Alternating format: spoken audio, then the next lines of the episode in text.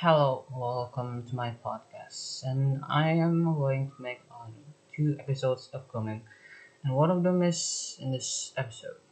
So now I want to discuss and talk about what's happening lately, especially about about the source from social media.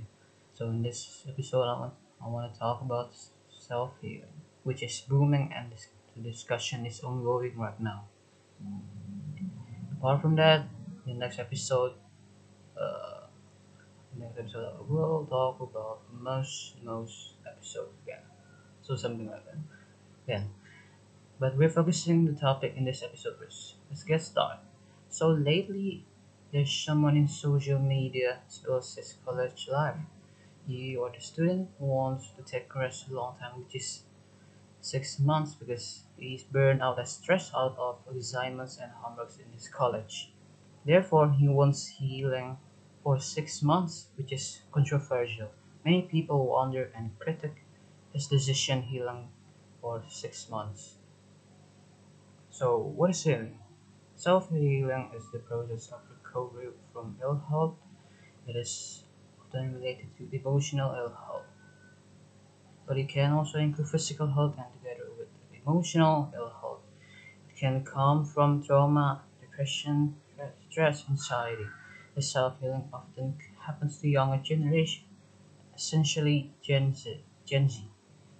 Young generation more often needs healing than the older one. Why?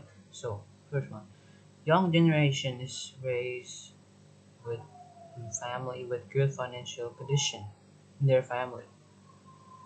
Now the world has better economy than in the past. So the parents can easily buy and give anything to their child which is, the favorite thing from the, their child. Therefore, the child pampered until they are elderly. In addition, there's also gadget which is an exit in the past. They can feel the struggles and challenges like what their parents did in the past. So that so that they tend to be warrior than the old generation. They can be worried of the problems that they face. So that's, that's why they need more self healing because they don't know how they're struggling and they have given everything from their parents. Besides, older generation has worse economy in the past. Their parents can give enough things to them or give enough money to them, and they knew their financial condition was not good.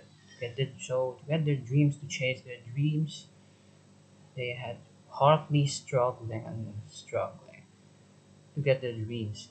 However, the young generation is more creative than the old one, the old generation. They also supported by the evolve of technology. But the old generation tends to be calm and relaxed when they are facing problems, unlike the younger generation. So they do more self-healing. So that's all my explanation for self-healing. Sorry for any disadvantages. Hopefully this is useful for you guys and thank you.